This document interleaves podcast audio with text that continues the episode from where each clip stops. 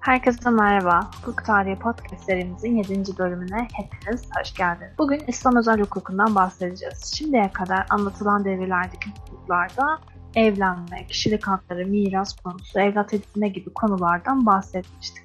Bu bölümde bu konuları İslam hukuku kapsamında ele alacağız ve size sizlere aktaracağız. Bakalım diğer devirlerle İslam hukukunda ne gibi benzerlikler, ne gibi farklılıklar varmış hep birlikte göreceğiz. Diyorum ve sözü Berkay'a bırakıyorum. Hoş geldin Berkay. Umarım iyisindir. İyiyim. Çok teşekkür ederim Sena. Sesinden senin de iyi olduğunu anlıyorum ve mutlu oluyorum. Aramızda kilometreler de olsa bu podcast'i çekmek için vakit ayırdın. Teşekkür ederim sana da. Ee, seyircilere, dinleyicilere de merhaba diyorum ve bugün İslam özel hukukuyla birlikte İslam hukukunu tamamlayacağız ve daha özelinde devam bölümlerimizde Osmanlı, Tanzimat ve Cumhuriyet dönemi şeklinde gideceğiz tarihsel çizgi olarak. Şimdi bugünkü konumuza geri dönelim. İslam özel hukuku hepinizin de bildiği gibi özel hukukun içerisine evlenme, boşanma, kişiliğin başlangıcı bitişi veyahut da kişiliğin mahiyeti, özgürlük mü, kölelik mi, evlilik nasıl sona erir, velayet nedir, vesayet nedir, evlat edinme var mıdır, miras paylaşımları nasıl olur sorusunu burada cevaplamayacağım. Bir sebebini birazdan söyleyeceğim. Borçlar hukuku nedir, sözleşmeler hukuku nedir ve mülkiyet hakkı nedir gibi soruların cevabını bugün sizinle hep birlikte almaya gayret edeceğiz sevgili dinleyenler. Ama bunlardan önce kişilik olarak ilk konumuzla başlayalım. İslam hukukunda insanları biz özgürler ve köleler olarak genel bir ayrıma tutuyoruz. Özgürler de Müslümanlar ve Müslüman olmayanlar şeklinde iki ana grupta topluyoruz. Müslüman olmayıp da ehli kitap sayılan yani diğer semavi dinlere mensup olan ve İslam devletinin egemenliğini kabul edenlere biz zımmiler adını veriyoruz. Bu zımmiler bazı kısıtlamalara rağmen genelde özgürdürler ve kişilik bakımından kendi özel hukuklarına tabidirler. İslam devleti Müslüman olmayanlardan sadece zımmi olanları tanır. Müslümanlar da genel olarak zaten özgür kişilerdir. Kişiler de yaşlarına göre ergin olan ve ergin olmayan olmak üzere ikiye ayrılır. Kişiler yaşlarına göre ergin ve ergin olmayan olmak üzere ikiye ayrılırlar. Ergenlik yaşı mezheplere göre değişiklik arz edebilir. Ama genellikle kızlarda 9, erkeklerde 12 yaş erginliğin başı ve her iki cinsiyette de 15 yaş ergenleşmenin, erginleşmenin sonu olarak kabul edilmektedir. Ergin olmayanları da biz ikiye ayırıyoruz. Ergin ve mümeyyiz olmayanlar bunlar adına yalnız büyükleri tasarrufta bulunabilir. İkincisi de ergin olmayan ama mümeyyiz olanlar. Bunlar da büyüklerinin izniyle ve bazen de bu izin olmaksızın tasarrufta bulunabilirler. Şimdi kişiliği hallettiğimize göre gelelim ikinci konumuza. Kölelik. İslam'da kölelik nedir? Var mıdır? Varsa nasıl vardır? Köleliğin İslam hukukunda yalnız iki nedeni vardır. Birincisi savaşta esir düşmek, ikincisi köle olarak doğmak. Başka köle olma sebebi yoktur. Müslüman ile Müslüman olmayanlar sürekli olarak savaş durumunda sayıldıklarından savaşta aman dilemeyen yani zımmiliği kabul etmeyen veya Müslüman olmayanlar savaş sonucunda esir düşerlerse hukuki statülere köle olurdu. Efendi kölesinin fikrini almadan onu başka bir köle ile evlendirebilirdi. Yine efendi kendi kölesini cariyesi olarak kendisine alabilirdi. Ancak özgür bir kadınla evli özgür bir erkek e, kendine cari olarak alamazdı. Köle erkeklere boşanma hakkı tanınmıştı. Kölenin mirasçı olma, tanıklık yapma gibi hakkı maalesef yoktu. 1815 Viyana Kongresi ile köle ticareti yasaklanmıştır. Osmanlı Devleti'nde de 2. Mahmut bu yasaklamaya rağmen ticarete devam etti. 1857 yılına gelindiğinde Abdülmecit köle ticaretini yasaklamıştır. Ancak yasaklanan köleler sadece siyahi kölelerle sınırlı kalmıştır. Yine ticarete devam yani anlayacağınız. 1880'de, 1889'da ve 1909 tarihlerinde de bir takım köle ticaretinin yasaklanmasına ilişkin fermanlar çıkarılmış olsa da köle ticareti gizliden gizliye hep devam etmiştir. Ta ki 1923 yılında Cumhuriyet'in ilanına kadar. Bu tarihten sonra alınıp satılan köle sayısı sıfırdır diyorum ve kölelik hakkındaki bilgilerime son veriyorum. Diğer konu evlenmeye geçiyorum. Evlenme bir sözleşme şeklinde olmaktaydı ve bu sözleşmenin tarafları evlenecek erkek ve kadının Müslüman, ergin ve özgür olan velisidir ya da kadının kendisidir. Yani bir tarafta evlenecek erkek var, diğer tarafta ise ya evlenilecek kadının özgür velisi ya da kadının kendisi olmaktaydı.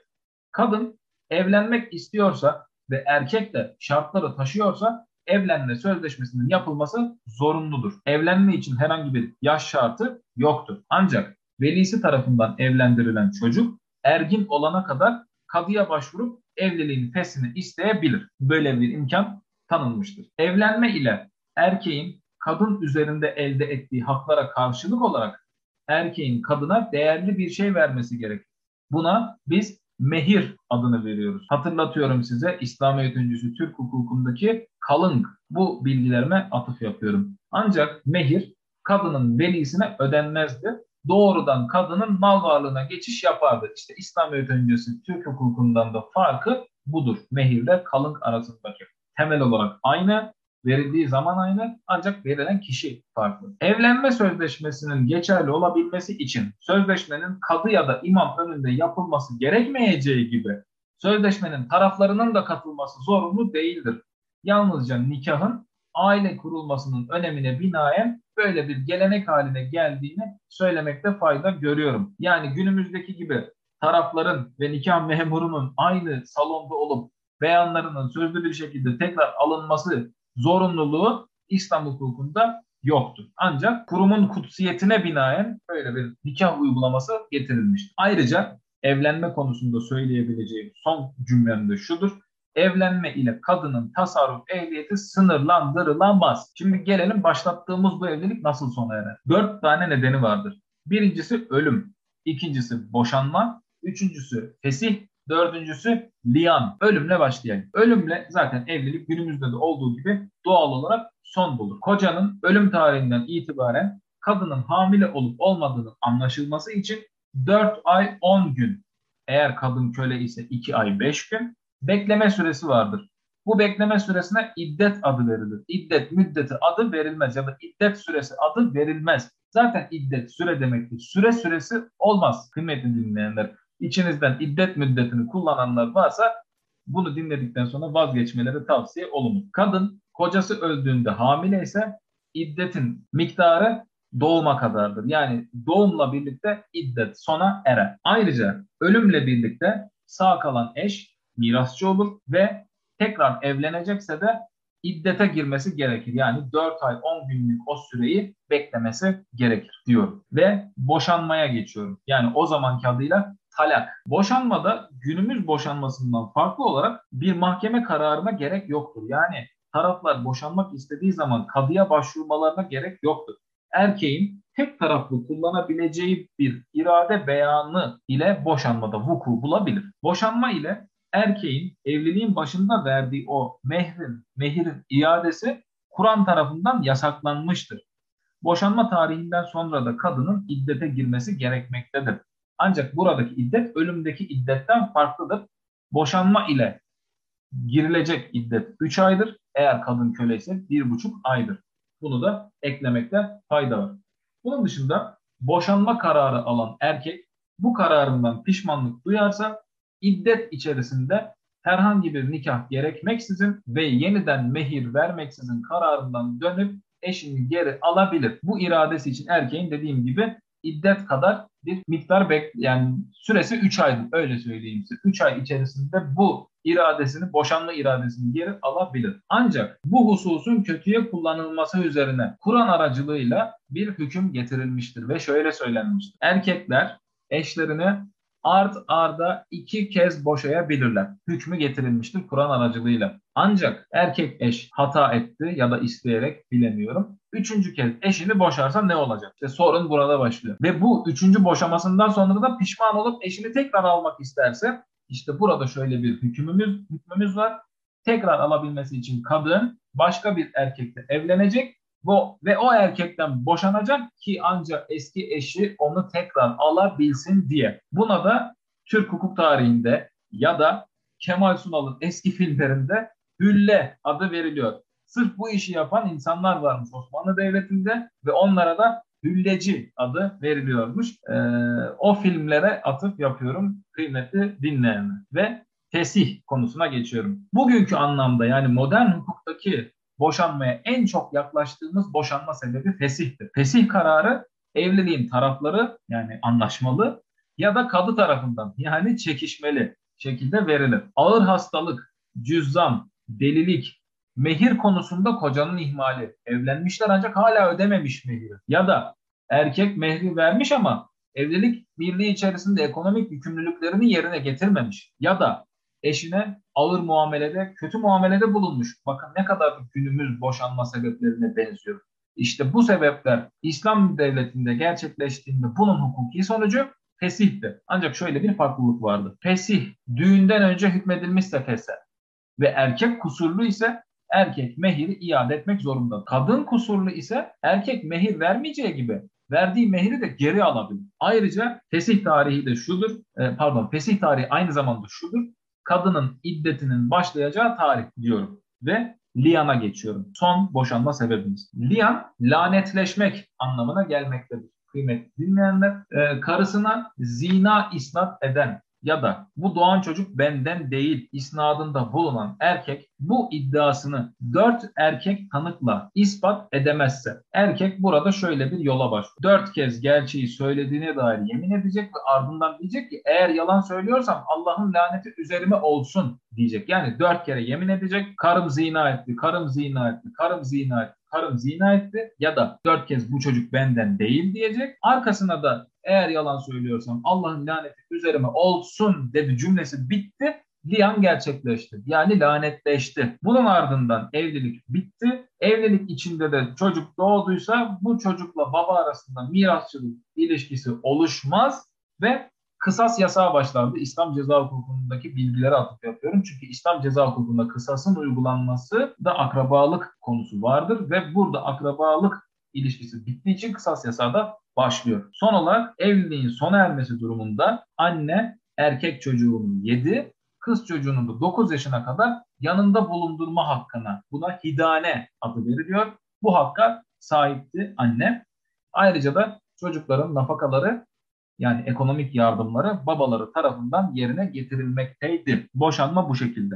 Peki boşanıldı. Boşanıldıktan sonra artık ortada bir çocuk varsa bu çocuk kimde kalacak hususu devreye giriyor. Yani velayet ya da çocuğu olmayan bir kişi, çocuk sahibi olamayan bir kişi nasıl evlat edinir ya da evlat edinme var mıdır? Şimdi bundan bahsedelim. İslam'da baba oğullarına ergin olana kadar, kızlarına da evleninceye kadar bakmakla ve eğitmekle görevlidir. Bu görevini yerine getirmeyen baba kadı tarafından tazir cezası ile cezalandırılabilir. Yani yardım, bakım, gözetim yükümlülüğünü ihlal gibi bir durumdan bahsediyoruz. İslam'dan önce Arap coğrafyasında, şimdi evlat edinmeye geliyorum. İslam'dan önce Araplar arasında evlat edinme vardı. Ve hatta Hazreti Peygamber'in de evlatlığının olduğu biliniyor olsa da ilerleyen zamanlarda Kur'an-ı Kerim tarafından evlat edinme yasaklanmıştır. Bugün Türk Medeni Kanunu'nda bizim bildiğimiz evlat edinme müessesesi ya da bizim evlat edinme müessesesine aldığımız Roma hukuku bunlara kaynaklık etmişken İslam hukukunda evlat edinme yoktur. İslam'da evlat edinme benzer bir husus vardır. Mevlalık akdi, Mevlalık sözleşmesi. Yani sen benim Mevlam ol, ölünce malıma varis ol diyete bağlı bir suç işlersem de akilem ol diyetimi öde diyen bir evlatlık vardı ve bu evlatlığın talebini kabul eden bir muris vardı. Bu kabul işlemiyle birlikte sözleşme kurulurdu. Yani mevlalık akdi kurulurdu.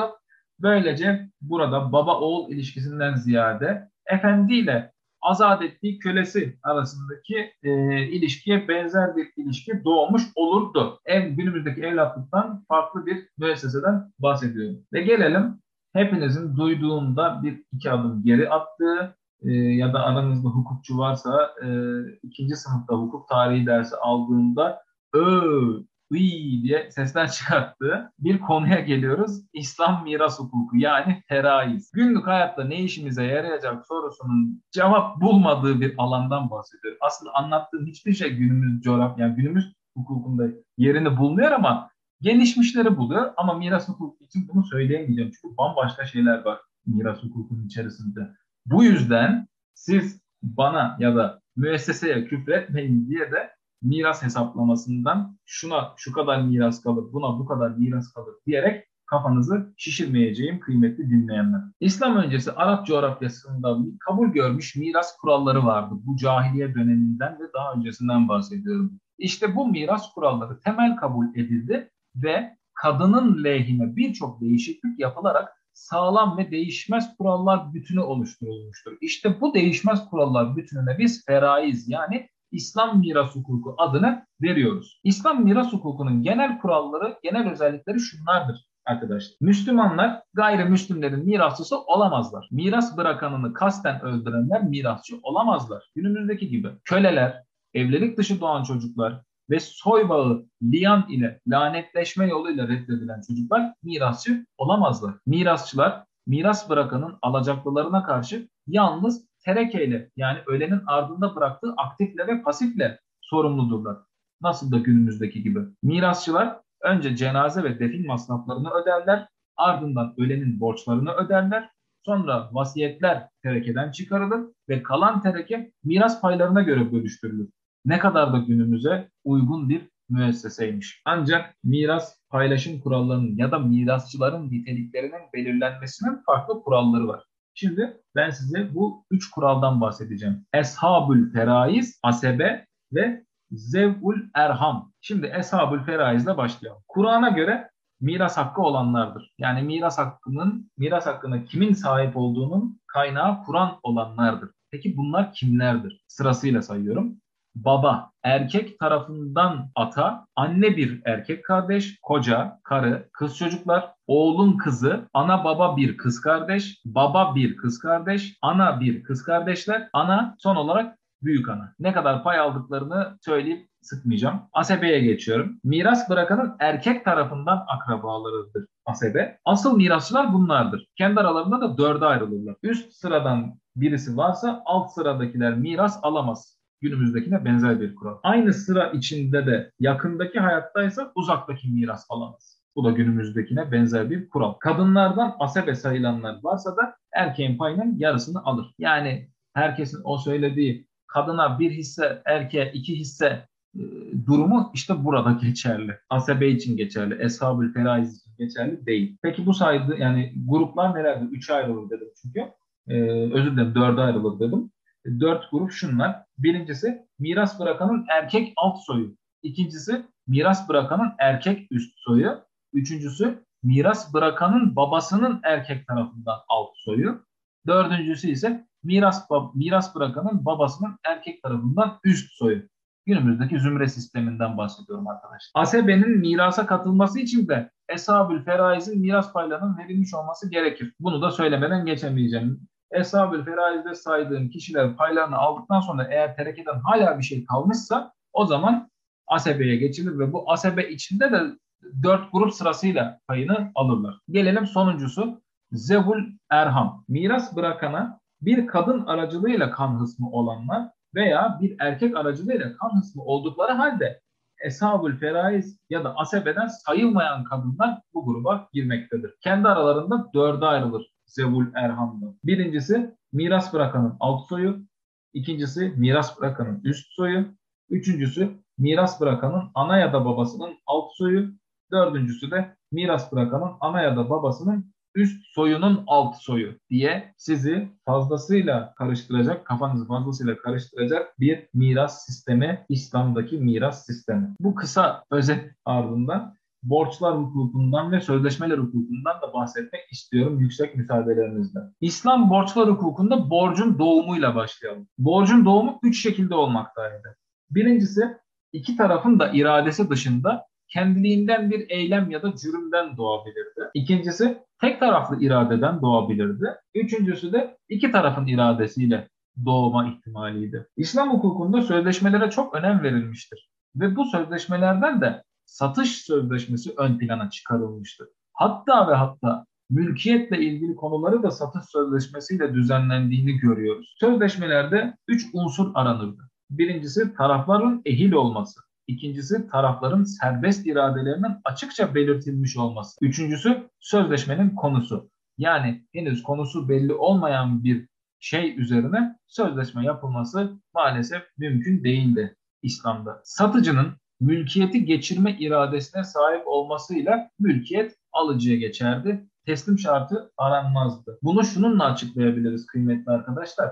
Ee, İslam'da yani Müslüman yalan söylemez. Müslüman dinine bağlıdır inanışı olduğu için ve Müslüman yalan söylemeyeceğine ilişkin, ilişkin bir güven olduğu için satıcının ben bunu sana satıyorum, satmak istiyorum, sattım gibi bir ifade kurmasıyla mülkiyet karşı tarafa geçerdi. Yani günümüzde alıcıya geçen malın mülk yani alıcıya teslimle mülkiyet geçerdi ibaresinden farklı bir durumla karşı karşıyayız. Bu yüzden İslam hukukunun sözlü, söze yani söz vermeye verdiği önemi görüyoruz. Öneride bulunan kişi yani icapta bulunan kişi önerisi kabul edilmeden önce önerisinden vazgeçebilir. Bugünümüzde de böyle. Sözleşme kurulduktan sonra da istendiği zaman sözleşme feshedilebilirdi. Bunun tek bir istisnası var İslam hukukunda. Ee, günümüzde sözleşme serbestliği var. Nasıl yani sözleşmeyi kurmak nasıl serbest olacağı gibi kurulmuş sözleşmeyi bozmak da aynı şekilde serbesttir.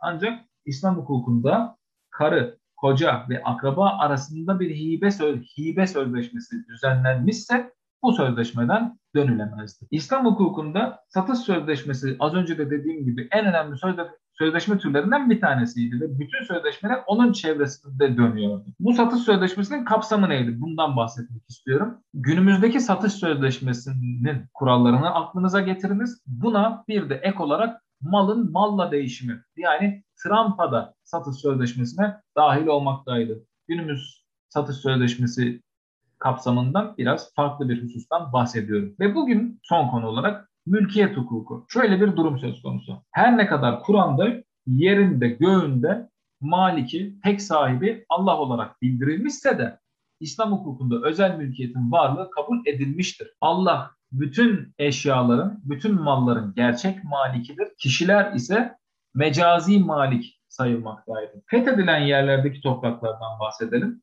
Fethedilen yerlerdeki topraklar FETÖ'den komutanlara bölüştürülmüştür. Bunları Osmanlı Devlet Teşkilatı'nda yine e, değineceğim daha ayrıntısıyla. İşte bu topraklara ondalıklı topraklar adı verilmekteydi. Gayrimüslimlerin sahip olduğu toprakları ise haraçlı topraklar adı verilmekteydi. Ve İslam hukukunda mülkiyetin unsurundan bahsedelim. Mülkiyetin üç unsuru vardı. Birincisi rakabe yani eşya üzerinde hakim olabilme gücü. İkincisi yed yani zilliyetlik, yedi emin, yedinde bulunmuş sayılır gibi cümlelere atıf yapıyorum. Zilliyetlik yani yedi emindeki yediyi altı, yedi, sekiz anlamında olan yedi olarak anlamayınız. Kıymetli dinleyenler birçoğunuz bunu biliyordur da ben yine e, tekrar edeyim istedim. Üçüncüsü ise mülkiyetin son unsuru ise tasarruf yani eşyadan yararlanma ve hukuki işlem yapabilme gücü. İşte bu rakabe, yed ve tasarruf unsurunun bulunduğu, toplandığı tek kişiye malik adı verilir. Peki sahipsiz bir toprak varsa bunun maliki kimdir? Kim o sahipsiz toprağı ihya ederse işte o toprağın maliki o olur. Günümüzdeki kadastro kanunundaki hükmü size hatırlatıyorum arkadaşlar. Ve ayrıca İslam hukukunda zaman aşımı kabul edilmemiştir. Bunu size eski e, cix bir cümleyle takdim etmek istiyorum. Takaddümi zaman ile hak sakıt olmaz. Yani zaman aşımını kabul etmemişler. Ancak Osmanlı hukukuna gelindiğinde bunun biraz değiştiğini görüyoruz. Çünkü mülk toprakları yani mülkiyeti bizzat padişaha ait toprakların tasarrufunda, kullanım hakkında 15 yıllık bir zaman aşımı söz konusudur. Miri topraklarda ve vakıf topraklarındaki rakabe hakları için 36 yıllık bir zaman aşımı süresi öngörülmüşken miri topraklardaki tasarruf hakkı için ise 10 yıllık bir zaman aşımı öngörülmüştür diyorum ve İslam özel hukukunun temelini atarak Tanzim e, Osmanlı'ya ve devamında Tanzimat'a ve hatta günümüze bakınız bu bölüm içerisinde de söyledim. Önceki bölümler içerisinde de söyledim. Dedim ki ileriki bölümleri teşkil edecek, kaynaklık edecek kurallar bunlardır dedik ve özet şeklinde bunları vermeyi uygun görerek ileriki bölümlere temelimizi atma girişiminde bulunduk diyorum ve dinlediğiniz için hepinize çok teşekkür ediyorum kıymetli dinleyenler. Çok teşekkürler Berkay. İslam özel hukukunu da anlatarak böylece İslam hukukunu genel olarak anlatmış bulunuyoruz. Bir sonraki bölümümüzde Osmanlı Devleti hukuk sistemine geçiş yapacağız. Ee, tekrardan teşekkür ederim verdiğin e, bilgiler için. Gayet keyifli ve bilgilendirici bir bölüm oldu. O zaman dinlemede kalın diyorum. Hoşçakalın.